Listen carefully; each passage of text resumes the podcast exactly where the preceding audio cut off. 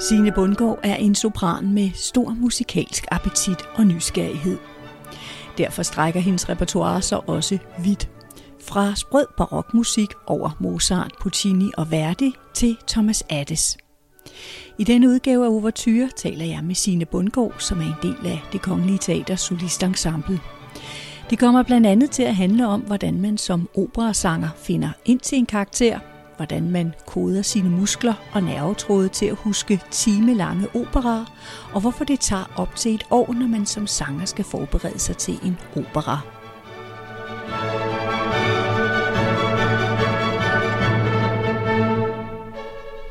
Du lytter til syvende del af Overture, en serie, som er lavet i samarbejde mellem Radio Klassisk og det Kongelige Teater, og som er tilrettelagt af Katrine Nyland Sørensen.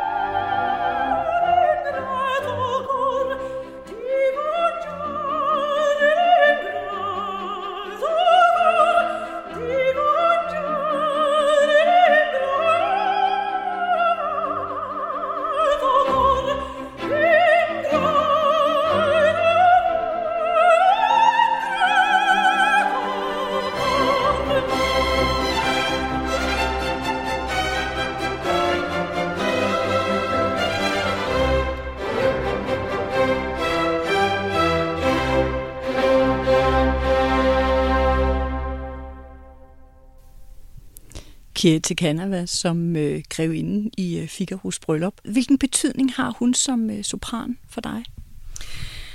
Jamen, øh, Kiri Canava var ligesom sopranen i det lyriske fag, øh, da jeg voksede op øh, i 80'erne, der da jeg var teenager, og begyndte at høre øh, nogle af de her ting. Øh, den allerførste opera, jeg nogensinde er bevidst om, at jeg sådan blev mærke i, det var min far, der kom hjem med en indspilling af Carmen, hvor hun sang Michaela. Så hun har været med helt fra starten, som den der øh, uendelig smukke, øh, klangligt og også personligt øh, lyriske sopran, men modende lyriske sopran, ikke? Altså en lidt, ikke, ikke den lette type, men, men den sådan rene lyrik, kan man sige. Så det er hun for mig. I øjeblikket, der synger du selv øh, grevinden i, øh, i Figaros bryllup. Øh, prøv at beskrive den situation, der er øh, på scenen, når du kommer ind og synger den her eje.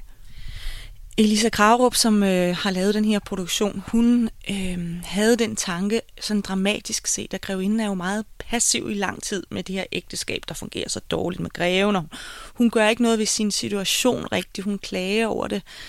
Men i løbet af den her eje, der har hun simpelthen lavet det som en fremkaldelse af hende, hvor hun bliver mere og mere tydelig for publikum, fordi jeg starter om bagfra i orkestret. Orkestret er på scenen, simpelthen meget usædvanligt, men de er på scenen.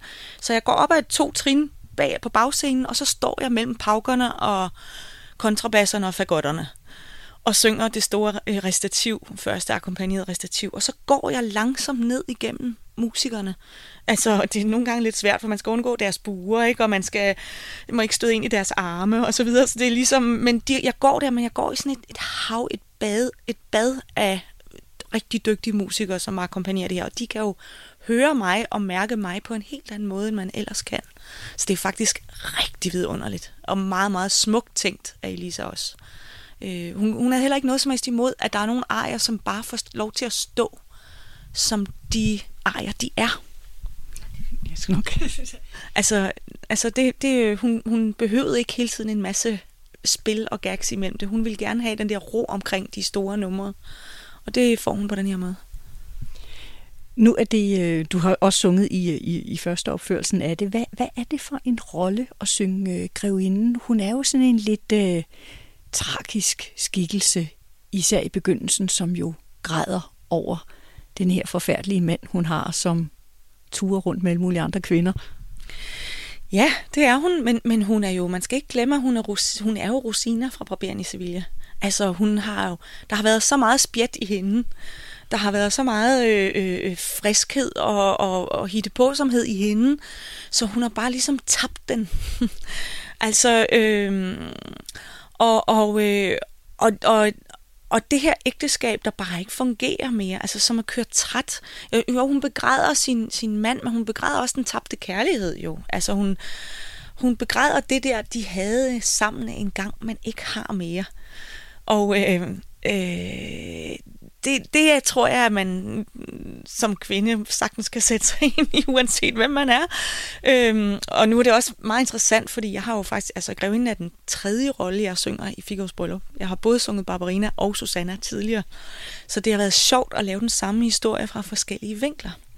Øh, og hun er, synes jeg, jeg, jeg synes, hun er meget øh, spændende grevinde. Netop fordi, at hun til sidst tager sagen egen hånd og ligesom laver den her intrige med Susanna, ikke? Laver en, lægger en plan. Simpelthen. For at komme ud af sin fastlåste situation. Og, og, øh, og gøre noget. Og øh, altså om det så ender med, at hun tager sin kuffert og gør, som, går, som hun gør i den her produktion, eller om det bare ender med, at hun får ham tilbage. Det, det er jo det, det er sådan set hip som hap, men hun gør noget. Hun er aktiv. Og øh, jeg, kan vel, jeg kan virkelig godt lide... Øh, altså hun er jo meget emotionel, hun er meget udtrykker meget sine ting, ikke? Altså øh, hun fangede lidt i sådan et øh, øh, en situation, hvor hun ikke er særlig, hun bliver ikke brugt til noget, vel? Altså hun øh, hun har måske kunnet noget engang, men nu er hun bare ligesom blevet hustru, der skal gå i bad i et et væk. og hele den første ej synger jeg jo i et badekar, som hvor, som Elisa sagde, kan du ikke finde på at gøre et eller andet i det der badekar, sådan et eller andet fuldstændig unødigt. hvor efter jeg får sådan en eller anden, øh, øh, jeg, jeg tænkte, nu får jeg en eller anden, øh, øh, øh hvad hedder det, sådan øh, olie med nogle dufte, som skal påvirke min chakra, eller på en eller anden vis. Altså et eller andet, der var fuldstændig, man, man kan bruge sin tid på, når man ikke har noget bedre at bruge den på. Ikke? Altså, så øh, det er den situation, hun er i fra starten.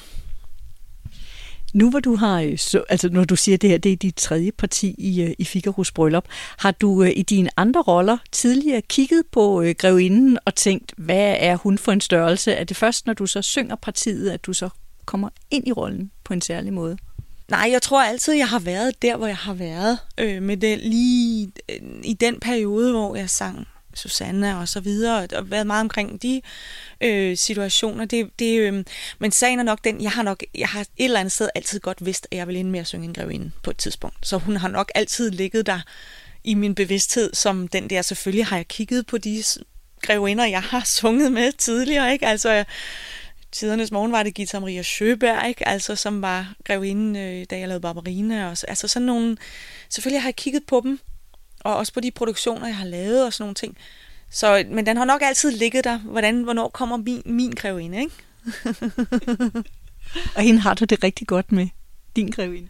Ja, det må jeg indrømme. Den faldt på plads ret hurtigt for mig. Altså også fordi jeg havde en fantastisk fødselhjælper som Elisa, ikke? Altså øh, det, det gjorde den, det faldt ligesom i hak. I hak. Øh, meget uproblematisk, vil jeg sige.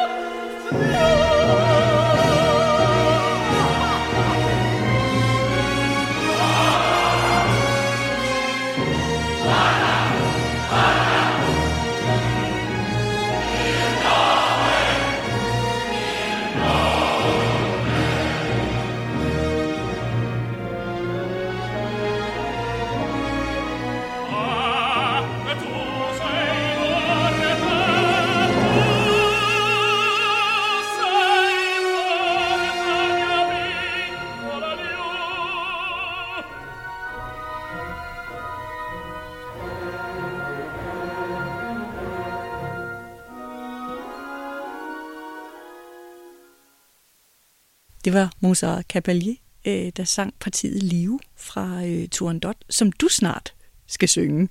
Lytter du til øh, andre optagelser, når du skal øh, forberede dig på dit parti? Ja, det gør jeg meget.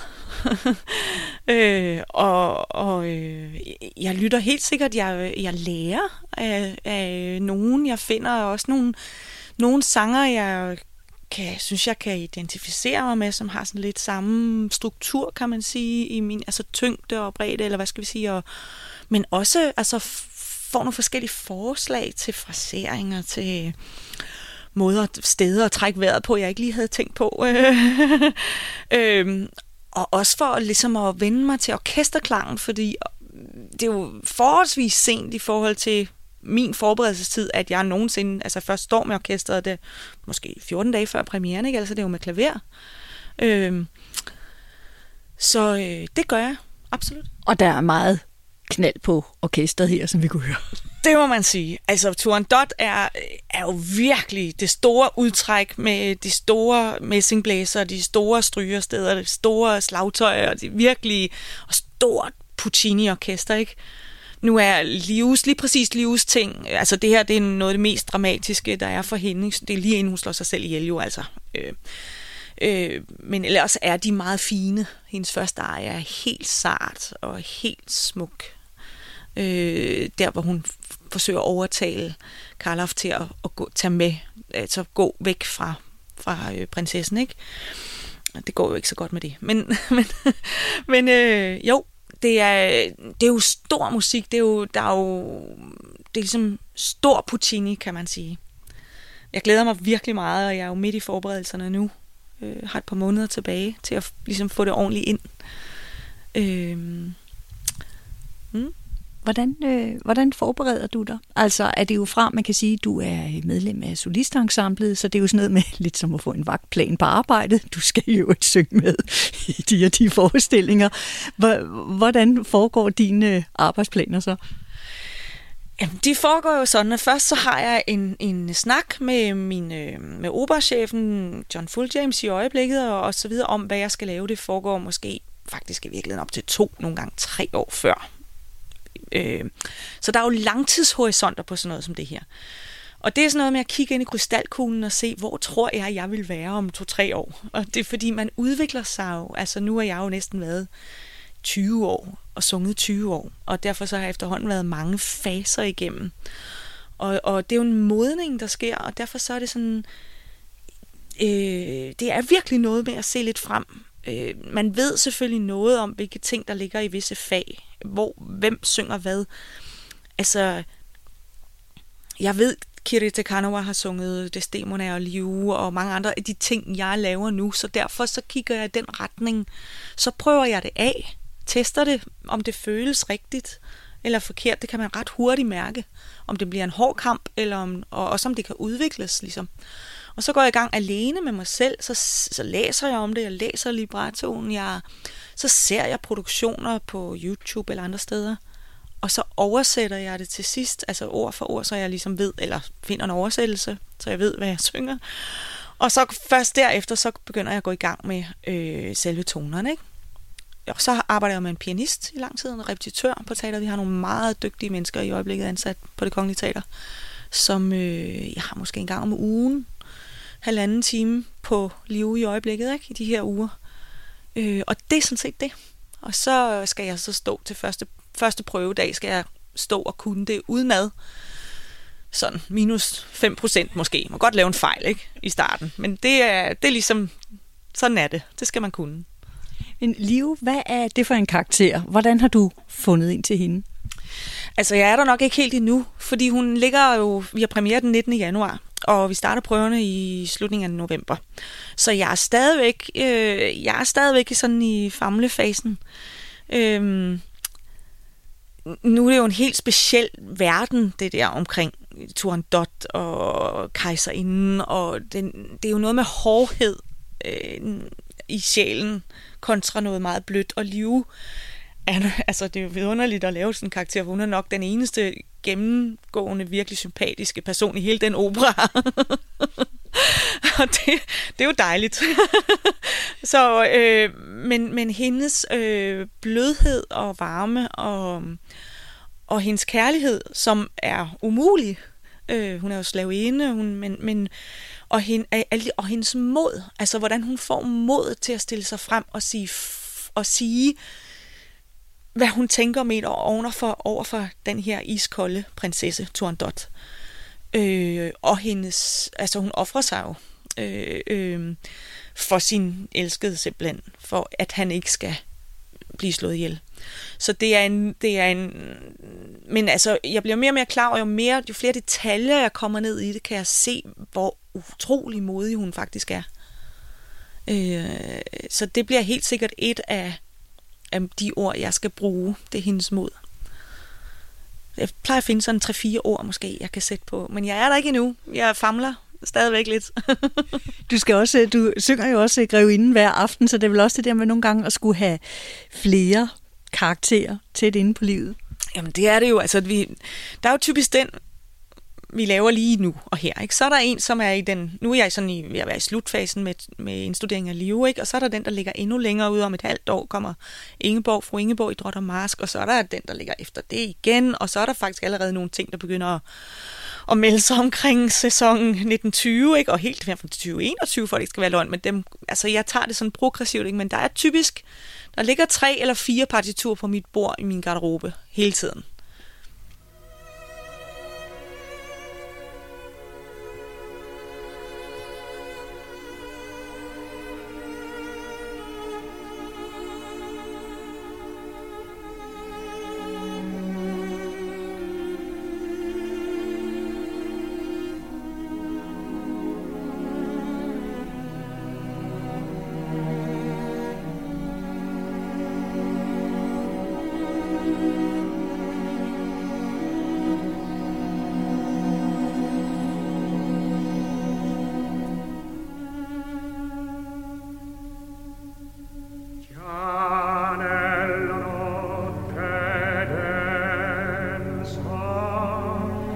press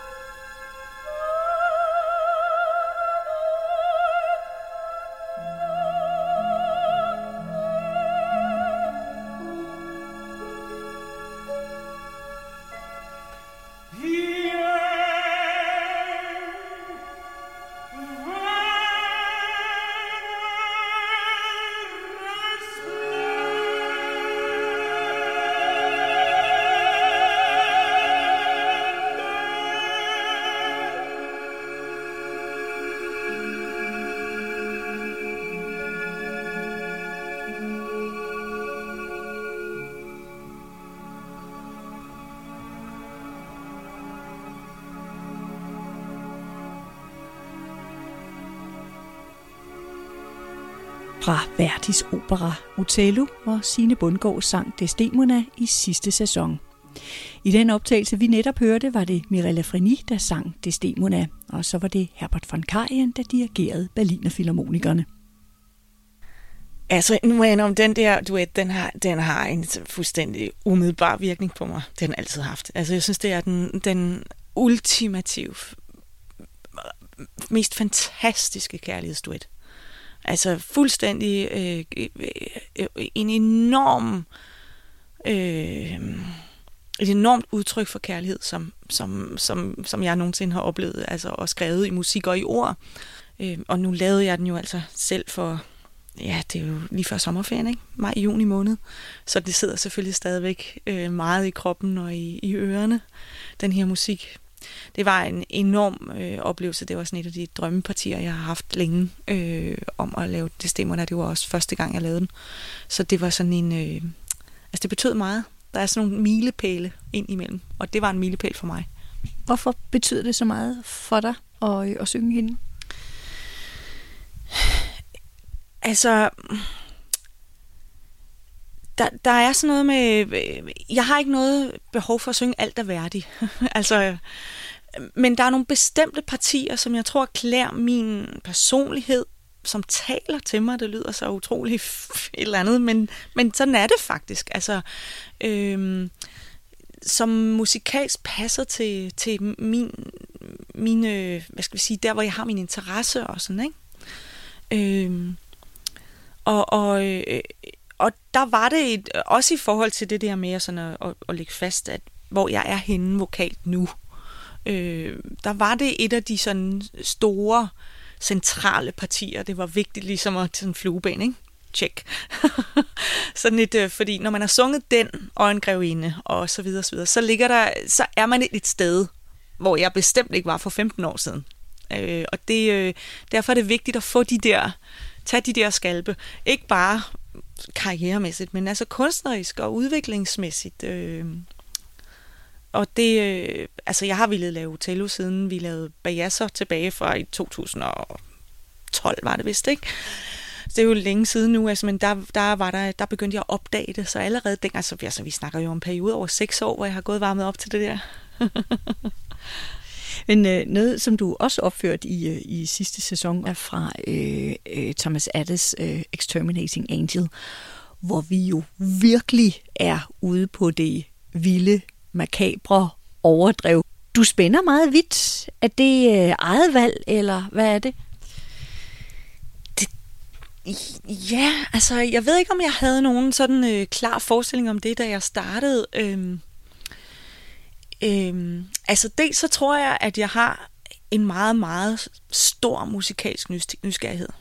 Og en stor musikalsk appetit. Ikke på alt, men, men øh, jeg, jeg bliver aldrig rigtig træt af at tage fat i noget nyt materiale. Altså ikke nykomponeret nødvendigvis, men noget jeg, et sted, jeg ikke har været før. Øhm, og så, så tror jeg også, at det har rigtig meget at gøre med, altså dels at have et fleksibelt instrument selvfølgelig, ikke? Øh, øh, som kan lave de der gearskift, for det er lidt gearskift, der skal til, og også have en, en, en, en, en stemme og en musikalitet, som kender til øh, til de musikalske virkemidler, og stilistiske virkemidler, ikke mindst. For det er gearskift, der skal til. Ikke? Og, altså sidste forår lavede jeg The Exterminating Angel, altså klods op af Othello. Øh, og det, det var virkelig hver sin verden, ikke?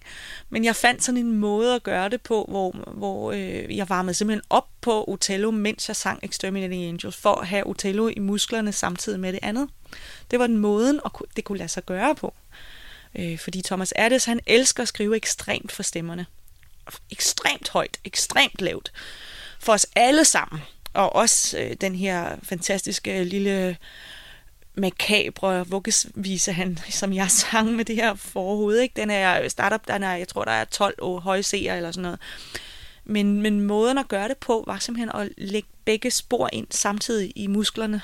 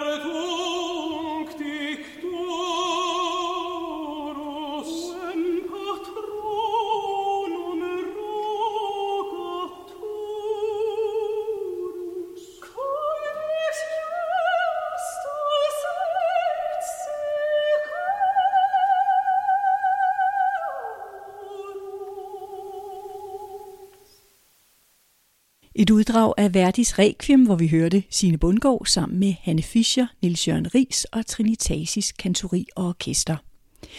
I overtyrprogrammet om operan Troubaduren fortalte mezzosopran Randi Stene, hvordan hun hver evig eneste dag synger et parti, også selvom hun ikke har forestilling om aftenen.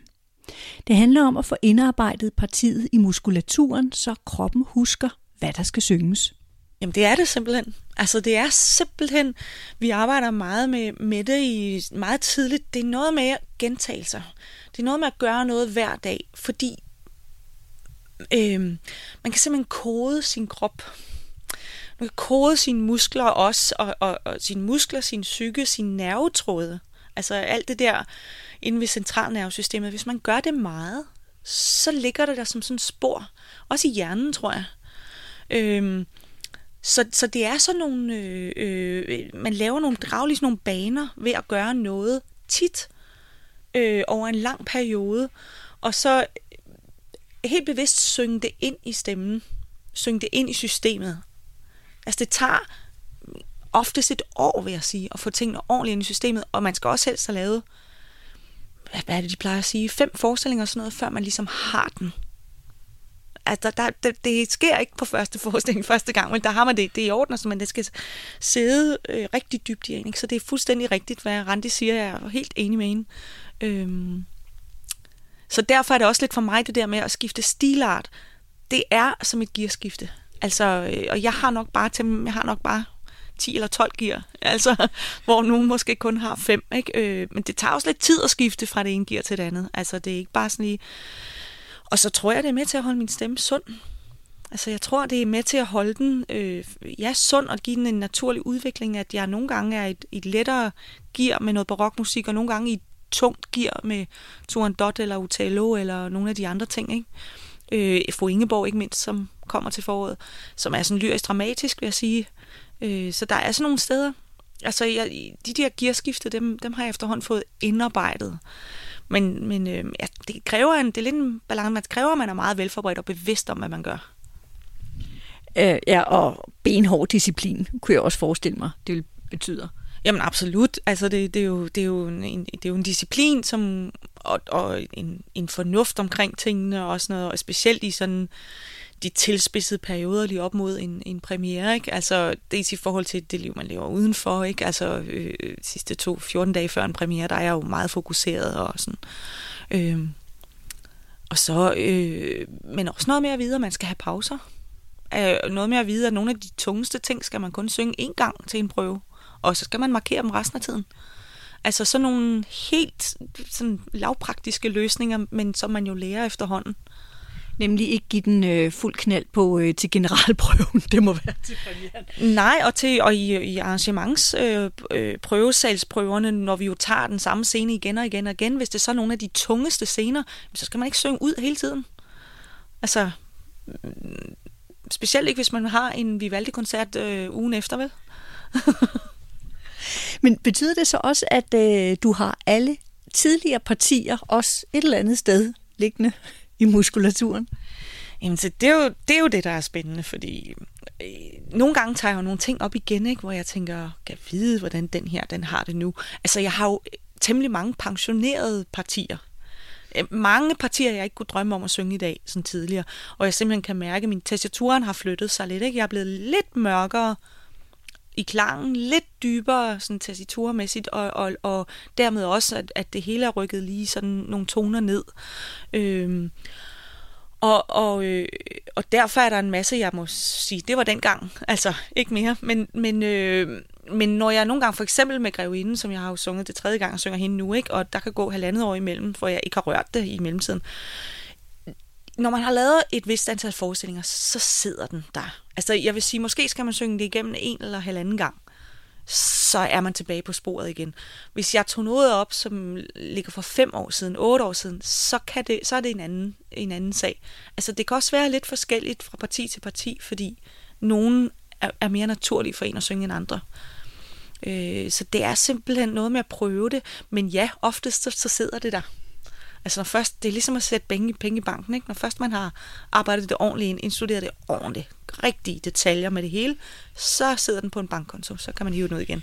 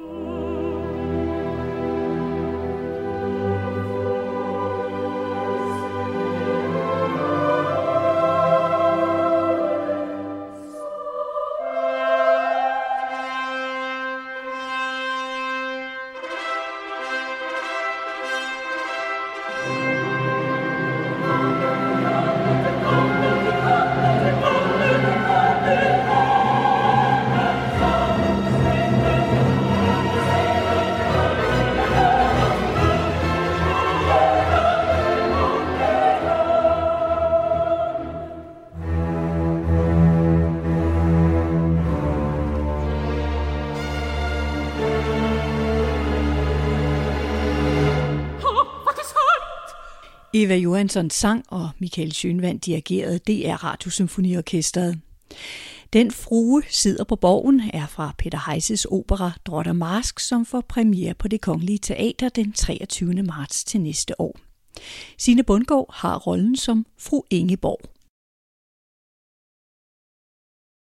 Fru Ingeborg, hun er en, en øh, ung, gift kvinde øh, af, af god slægt, som har været i kloster det meste af sit liv, men er blevet gift med, med øh, masken. Og, øh, og hun bliver overladt i kong Eriks varetægt, fordi masken skal i krig mod svenskerne. Og i den her situation, så øh, øh, hvad der præcis sker, det skal vi jo diskutere, når vi kommer så langt, men under alle omstændigheder, så sker der det, der ikke måske. Og øh, øh, øh, kong Erik, nogle vil sige voldtager hende, andre vil sige, at de har får noget sammen. Det ved vi ikke endnu, men, men hun får i hvert fald forfærdelig dårlig samvittighed, så når masken kommer hjem, så... Øh, så fortæller hun ham, hun går simpelthen til bekendelse med det samme, og så øh, kommer der en kæmpe hævnduet mellem de to. Hun har alvorlige kvababelser med, hvad der er sket, mens masken var væk. Øh, så hun, og hun, øh, øh, hun, hun, hun er derfor meget, øh, meget uviden om verden, tror jeg, når det hele starter. Meget beskyttet, men ikke godt gift, og elsker sin mand, og det, der er ikke noget der. Øh, så det er, det, det er jo noget med, at hun falder i kløerne på noget, der ikke har så, hvad skal vi sige, så fine øh, Øh, hensigter. og, øh, og, og hun, det går op for hende for sent, ikke, hvad det er, der er ved at ske. Så, øh, men så bliver hun også meget hævngærig. Virkelig, altså. Så hun er med til at opildne den her situation omkring dem, der laver konspirationen for at få kong Erik slået ihjel. Jeg skal lige sige, det er alt sammen helt historisk ukorrekt, fordi fru Ingeborg var død for længst inden det her mor på kong Erik. Så altså, historisk set har den, den påståede affære mellem kong Erik og fru Ingeborg har aldrig fundet sted. Det var i hvert fald ikke årsagen til mordet. Det har været noget med kong Eriks umulige måde at drive landet på og være konge på. Ikke? Altså langt mere end nogen romantisk situation. Men sådan er det sådan blevet i den her opera. Men sådan kan man ligesom øh, få bygget videre på noget. Gør det lidt mere, hvad hedder det, forståeligt. Ja, præcis. Så, så øh, det, det, det skal man også med. Men nu er det jo opera, ikke? Så, så vi bygger også lidt på de der emotionelle og ting. Sådan. Så ja. Men har du så, øh, sidder du så og læser bøger om mordet i Finderup Lade og for at komme ind i rollen? Det gør jeg faktisk. Altså, jeg er sådan en, der godt kan lide det. Nu var vi på en lille turné, for eksempel i august måned i, øh, rundt i Jylland, og der var vi øh, i nærheden af Finderup. Og så, øh, så tænker jeg, det skal jeg derud, så kan jeg ud og finde den lade der. Det viser sig også, at den findes ikke mere. men men øh, jeg var der og, og, øh, og læste om den, og hvad der er tilbage, og var ligesom... Øh, ja, altså... Øh, jeg går på nettet, som jo er det, man gør i dag, og, og finder sider om øh, mordet i Finderup Lade, ikke? Og, og hele den der tid og så videre. Det gør jeg. Hvor meget bruger du dine medsanger i øh, forbindelse med, når du, skal, når du skal finde ind til en rolle? Er det også tit sådan dialog med masken? Hvad hedder det? Øh, kongen? Altså når, når du for eksempel skal finde ind til din rolle som, øh, som fru Ingeborg? Ja, det er det. Øh, og det kan også godt ske før prøvestart, hvis man tilfældigvis ved noget om, øh, ved hvem der skal synge, øh, hvem ens kollegaer bliver, bliver osv. Nu skal det jo, det er Johan og jeg, som forløbig bare har grinet af, nu skal vi være ægtepar, det har vi ikke prøvet før, men, men, men, øh, men, men ellers er det jo noget, der foregår i prøvesalen sammen med instruktøren. Det er der, det sker. Altså der snakken foregår, men den foregår også faktisk allerede øh, under indstuderingene foregår også i samarbejde med pianisterne. Altså de pianister, når vi repeterer på det, det handler ikke kun om at få tonerne puttet ind i hovedet. Det handler også om at få øh, altså vælge lidt om, hvorfor gør hun det, og hvorfor gør hun det, og kunne det også være derfor, og er hun i virkeligheden bare utrolig tiltrukket af kong Erik? Er det derfor, at hun lader det ske? Altså, er, er det bare en enorm erotisk tiltrækning mellem dem, som hun så får rigtig dårlig samvittighed over bagefter? Er det sådan noget, vi er ude i? Det, det kan sagtens ske allerede i repetitionerne, ikke? Så jo, det foregår løbende hen ad vejen. Det kan også ske i kantinen, eller, eller ved sådan en eller anden sidebemærkning på gangene.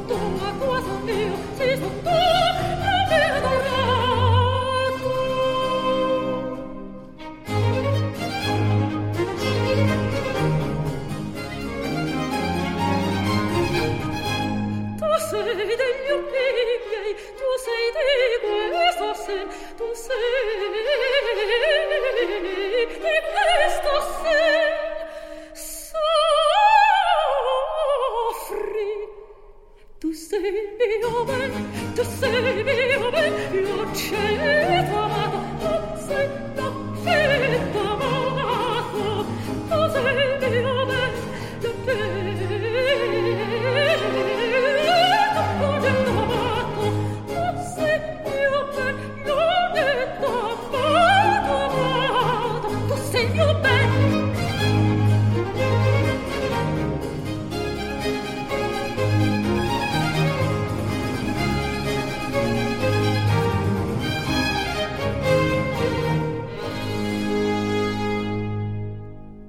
arie fra Vivaldis opera Orlando Furioso, her sunget af Theodora Georgiou.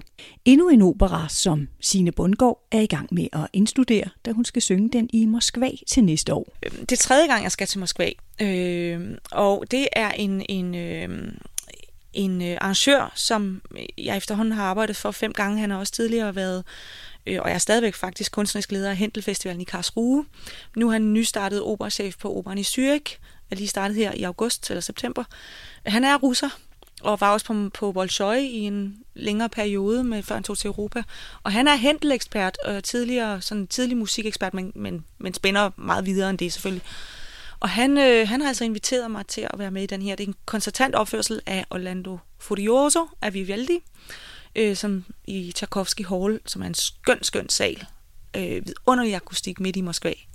Så den ligger som nummer 4 i år. Den det er så i maj måned øh, 19, ikke? Så, så øh, den, den er jeg også begyndt at kigge på.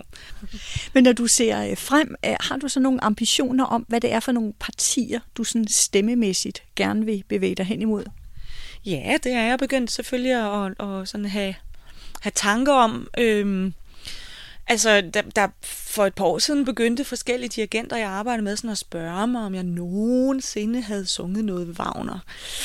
Det har jeg ikke. Jo, en lille blomsterpige øh, i Parsifal et par gange og sådan, ikke? Men, men, og jeg har sådan set helt aldrig troet, at jeg skulle derhen af, men jeg opsøgte faktisk min dejlige kollega Eva Johansson, som i den grad ved noget om det der, og, øh, og, øh, og spurgte hende, og hun, øh, om, fordi det, der blev forestået for eksempel Eva i Mestersangerne, som er et af de letteste, lyr, mest lyriske partier, som bliver sunget af grevinder i Figaro's Bryllup og så videre.